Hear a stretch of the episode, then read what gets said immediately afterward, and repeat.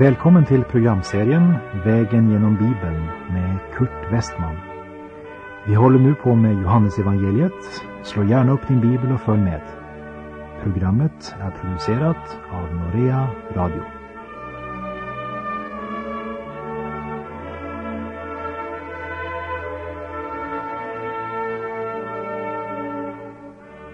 Vi har kommit till Johannesevangeliets fjortonde kapitel och vers 15.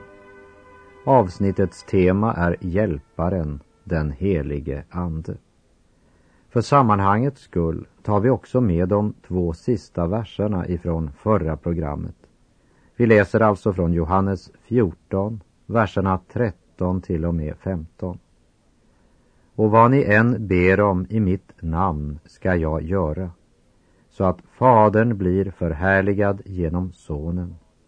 Om ni ber om något i mitt namn ska jag göra det.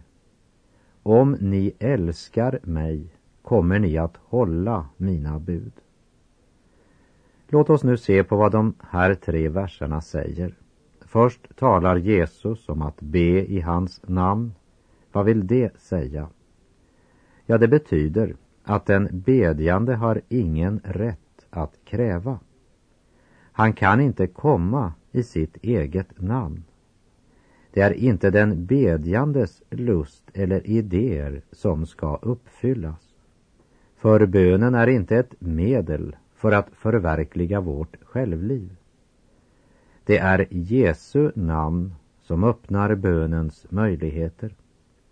Det handlar alltså om en bön som är bett i hans namn, det vill säga efter hans vilja och som har fått hans godkännande. Jesus gjorde alltid sin faders vilja och sökte aldrig någon egen ära eller fördel, men ärade Fadern i allt.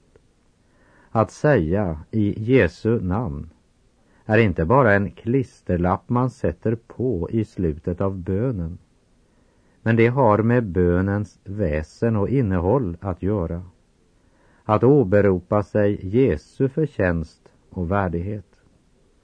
Och Jesus säger att när vi ber i hans namn så ska han göra det så att Fadern blir förhärligad genom Sonen. Det handlar alltså om en bön som ger Gud möjlighet att förhärliga sitt namn genom Sonen. Det är den bön Gud har bundit sig att besvara. Om ni älskar mig kommer ni att hålla mina bud. Livet efter Guds bud och vilja har kärleken som motiv. Men då måste kärleken vara en realitet, inte tomma ord. Vi talar inte om skrivbordsteologi eller religiösa teorier, men om det andliga livet, den andliga verkligheten. Gud är ande och det som tillber honom måste tillbe i ande och sanning, säger Jesus i Johannes 4.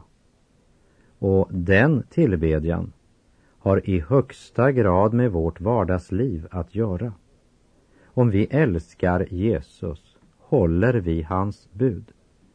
I Johannes första brev kapitel 1 och vers 6 står det om vi säger att vi har gemenskap med honom men vandrar i mörkret ljuger vi och handlar inte efter sanningen. Men om vi vandrar i ljuset liksom han är i ljuset, då har vi gemenskap med varandra och blodet från Jesus, hans son, renar oss från all synd. Johannes 14, verserna 16 och 17. Jag ska be Fadern att han ska ge er en annan hjälpare som ska vara hos er för alltid, sanningens ande. Världen kan inte ta emot den eftersom världen inte ser den och inte känner den. Men ni känner den eftersom den är kvar hos er och kommer att vara i er. En annan hjälpare i norsk bibel står det en annan talsman. Till det här ögonblicket har Jesus varit deras talsman och nu ska de få en annan, nämligen den helige Ande. Det ord som den grekiska översättningen använder motsvarar det latinska advocatus som vi känner igen ifrån vårt eget ord advokat. Alltså en som tillkallas för att försvara, trösta, uppmuntra, råda och vägleda. För utom här i Jesu avskedstal så används just det uttrycket endast på ett annat ställe. Och det är i Johannes första brev, kapitel 2 och vers 1. Mina barn, detta skriver jag till er för att ni inte ska synda. Men om någon syndar har vi en som för vår talan inför Fadern, Jesus Kristus, som är rättfärdig. Denna hjälpare kallas också för sanningens ande. Sanningens ande ska vara lärjungarnas lärare och hans undervisning vill alltid överensstämma med sanningen. Efter Jesu död så kommer världen inte att se Jesus så som de såg honom när han vandrade här bland människorna på jord. Men lärjungarna ska se honom med trons öga som öppnas just av den helige Ande, Hjälparen. Vi läser vers 18. Jag ska inte lämna er ensamma, jag ska komma till er.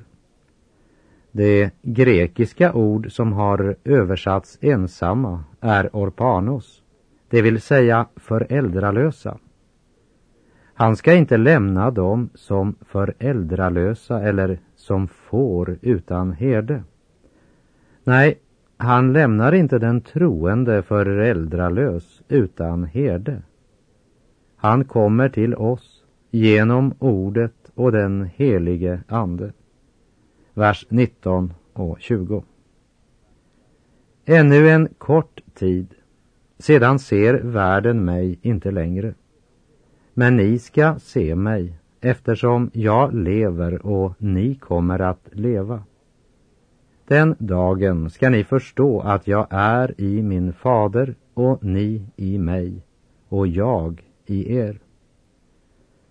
Den dagen ska ni förstå. Den dagen, det vill säga pingstdagen, då den utlovade hjälparen, talsmannen, blir utgjuten över alla som tror. Och det sista Jesus säger innan han lyfts upp inför lärjungarnas ögon är Men ni ska få kraft när den helige Ande kommer över er. Och ni ska vittna om mig i Jerusalem och i hela Judeen och Samarien och ända till jordens yttersta gräns. Ni i mig och jag i er. Det är det djupsinnigaste uttalande vi finner i Johannesevangeliet, ja, i hela Bibeln. Det är så enkla ord att ett litet barn kan förstå dem. Lika väl kan ingen filosof plöja djupet av dess betydelse. Ni i mig, det är frälsningen. Att bli frälst betyder att vara i Kristus. I tron på Jesus Kristus äger människan syndernas förlåtelse och Kristi rättfärdighet. Det gjorde Gud då han genom Jesu försoningsdöd och segerrika uppståndelse besegrade döden. Därför finns det nu ingen fördömelse för den som är i Kristus. Så orden, ni i mig, talar om vad Gud har gjort. Och den som tror på Jesu ord och tar emot Jesus i sitt hjärta, han är i Kristus. Ni i mig, säger Jesus. Det vill säga, när Gud ser på den troende så ser han endast Jesus. För eh, den som tror på Jesus är i honom. Det är det som ligger i orden ni i mig. Ni i mig är frälsningen. Jag i er, det är helgelsen. Det vill säga, det handlar om det som blir konsekvensen när vi tagit emot Guds gåva. Det handlar om den helige Andes gärning i oss och genom oss. Romarbrevet 5.10 säger Medan vi var fiender till Gud blev vi försonade med honom genom hans sons död. Hur mycket mer ska vi då inte bli frälsta genom hans liv, nu då vi är försonade? Jesus lever. Han verkar genom sin helige Ande idag. Du blir försonad genom hans död och rättfärdiggjord genom hans uppståndelse och du blir frälst genom hans liv. Det vill säga genom det liv han just nu lever i dig. På morgonen den tredje dag efter korsfästelsen stod Jesus upp av graven. Och i Apostlagärningarna 1.3 står det Han framträdde för dem efter att ha lidit döden och gav dem många bevis på att han levde då han under 40 dagar visade sig för dem och talade om Guds rike. När han hade talat till dem såg de hur han lyftes upp i höjden och Jesus gick till sin fader. Men på pingstdagen kom han tillbaka.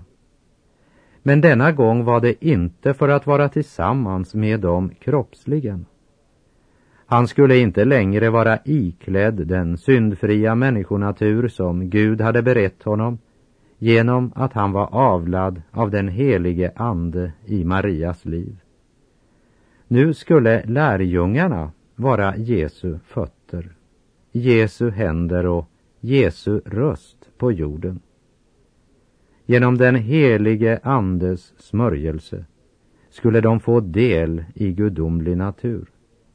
De eh, skulle bli lemmar på en ny kropp.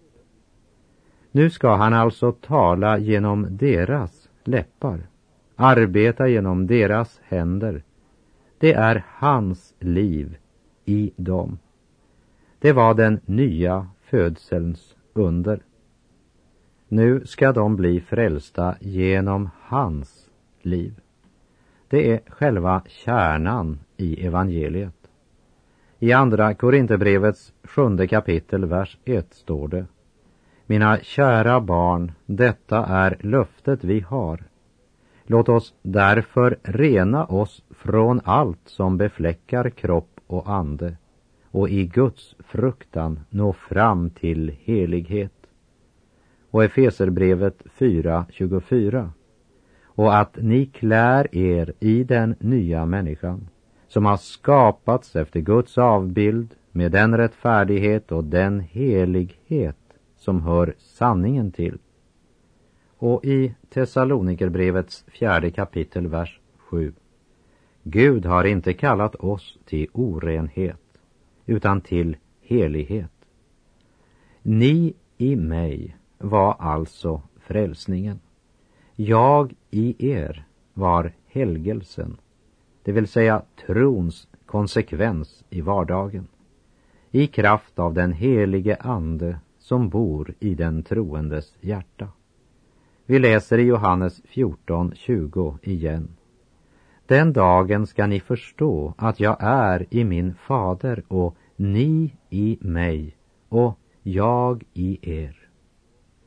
Ni i mig och jag i er det är själva kärnan i evangeliet.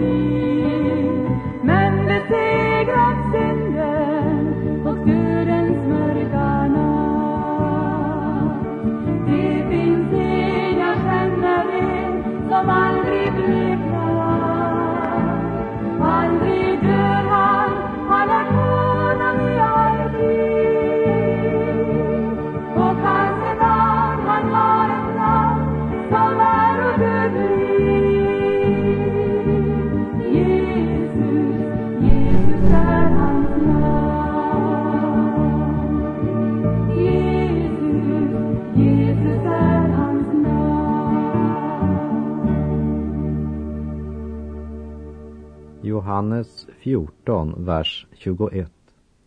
Den som hör mina bud och håller dem, han älskar mig. Och den som älskar mig skall bli älskad av min fader, och jag skall älska honom och visa mig för honom. Säg inte att du älskar Jesus om du inte lyder honom. Det säger han klart och tydligt här. Jesus ska manifesteras och uppenbaras genom dem som gör som han säger. Det manifesteras inte genom en vision, men helt enkelt i vårt vardagsliv.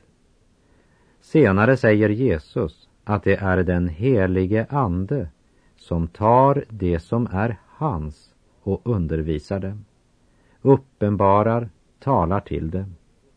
Och hur sker det? Det sker genom hans ord. Det är där Jesus uppenbaras, i Guds ord. Vi läser verserna 22 till 24. Judas, inte Judas Iskariot, frågade Herre, hur kommer det sig att du ska visa dig för oss men inte för världen? Jesus svarade om någon älskar mig bevarar han mitt ord. Och min fader ska älska honom och vi ska komma till honom och stanna hos honom. Den som inte älskar mig bevarar inte mina ord. Men ordet som ni har hört kommer inte från mig utan från Fadern som har sänt mig. Kunskap kan inte hjälpa dig inte heller medlemskap i en församling. Men Jesus säger att vår kärlek till honom uppenbaras genom vår lydnad och vårt förhållande till hans ord. Den som inte älskar Jesus tar inte vara på hans ord, förblir inte i ordet. Vers 25 och 26. Detta har jag sagt er medan jag är kvar hos er. Men hjälparen, den helige Ande, som Fadern ska sända i mitt namn, han ska lära er allt och påminna er om allt jag har sagt er.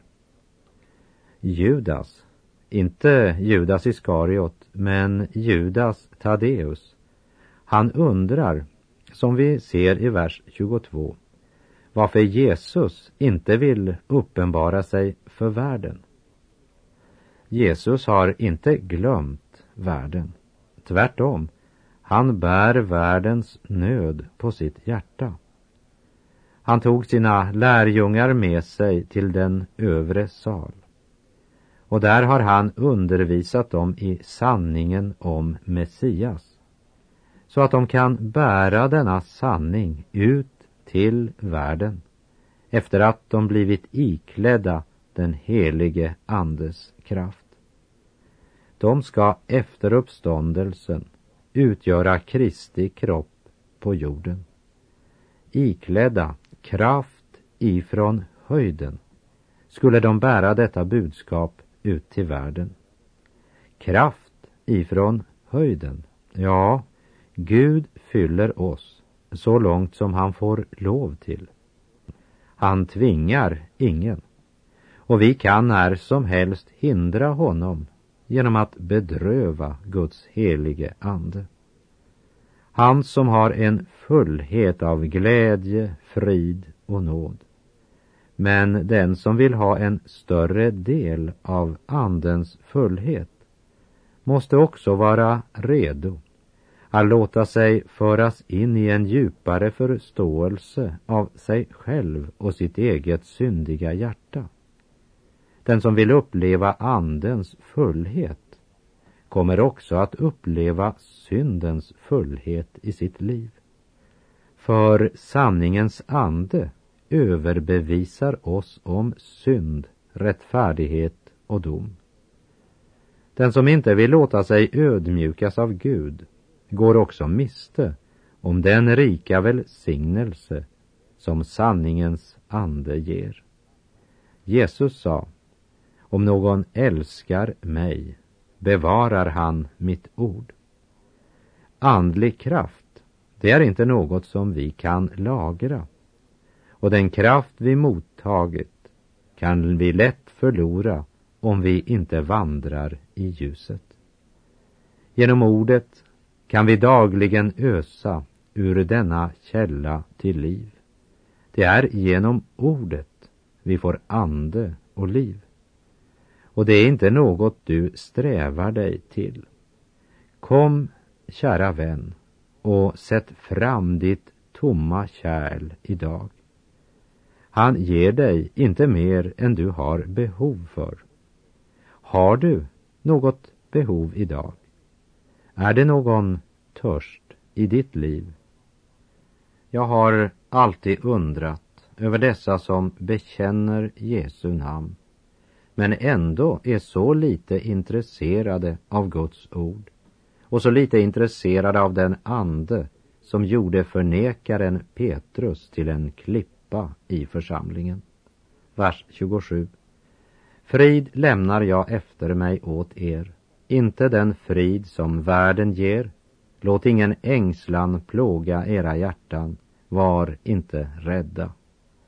Den här versen tar oss tillbaka till kapitlets början där Jesus sa Låt ingen ängslan plåga era hjärtan, tro på Gud, tro också på mig.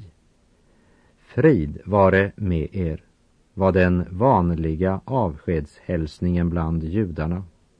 Men det var också den vanliga hälsningsordet när man kom in i ett hus. Men Jesus inte bara hälsar sina lärjungar med frid.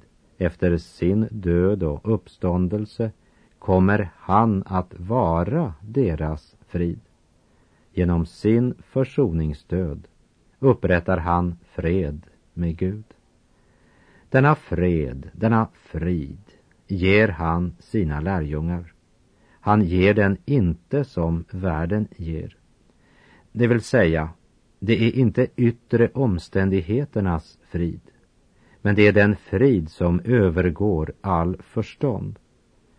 En frid som de kan äga mitt under den största sorg och det djupaste lidande, mitt i livets stormar.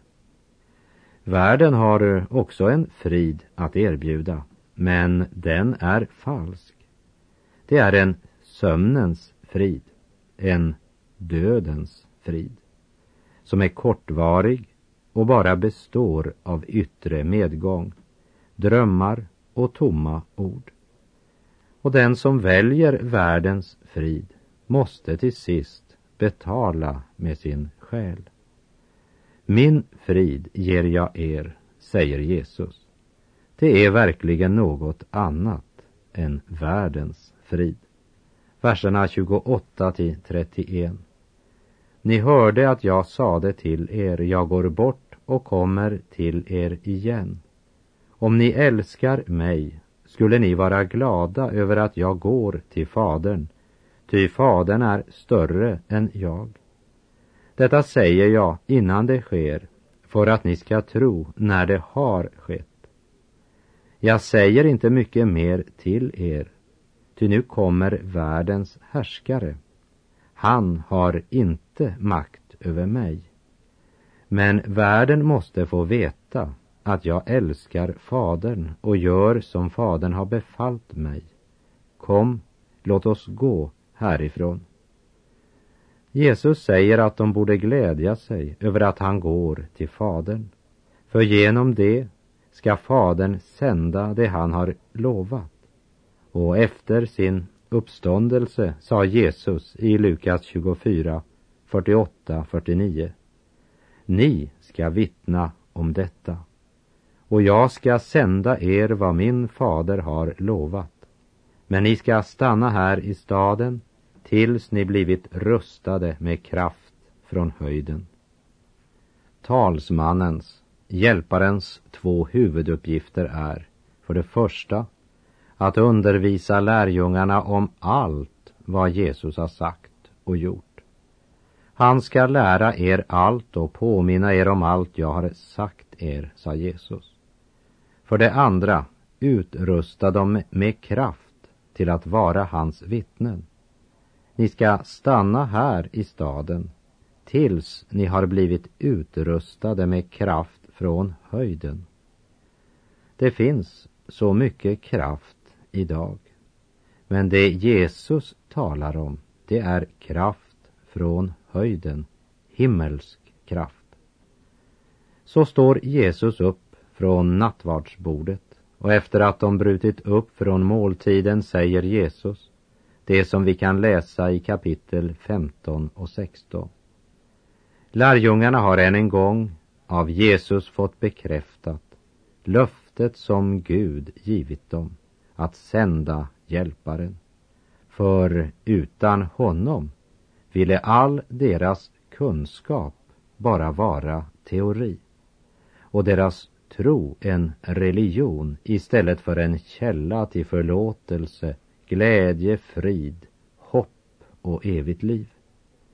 Och den helige Ande ska hjälpa dem att förbli i Jesu ord så att skriftens vittnesbörd blir avgörande för deras liv. För eljest vill allt det de upplevt bara bli svärmeri.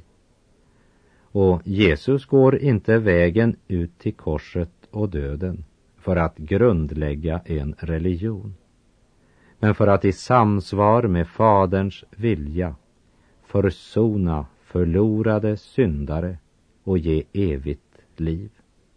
Jesus är vägen. Det finns ett dike som heter ortodoxi och död renlärighet och ett dike som heter svärmeri och suggestion. Och så finns det en väg som heter Jesus, endast Jesus. Och på den vägen är det, i kraft av Guds ord och Guds helige ande, ett överflödande liv. Där misslyckade, förlorade, fattiga, tomma kärl får uppleva att i kraft av Jesu död och uppståndelse blir vi fyllda av Gud. Det är Andens nya liv. Det är nådens källa. Förbli i Jesu ord. Det finns ett namn, jag vet ett namn som aldrig bleknar. Och med det säger jag tack för den här gången. På återhörande om du vill. Herren vare med dig. Må hans välsignelse vila över dig. Gud är god.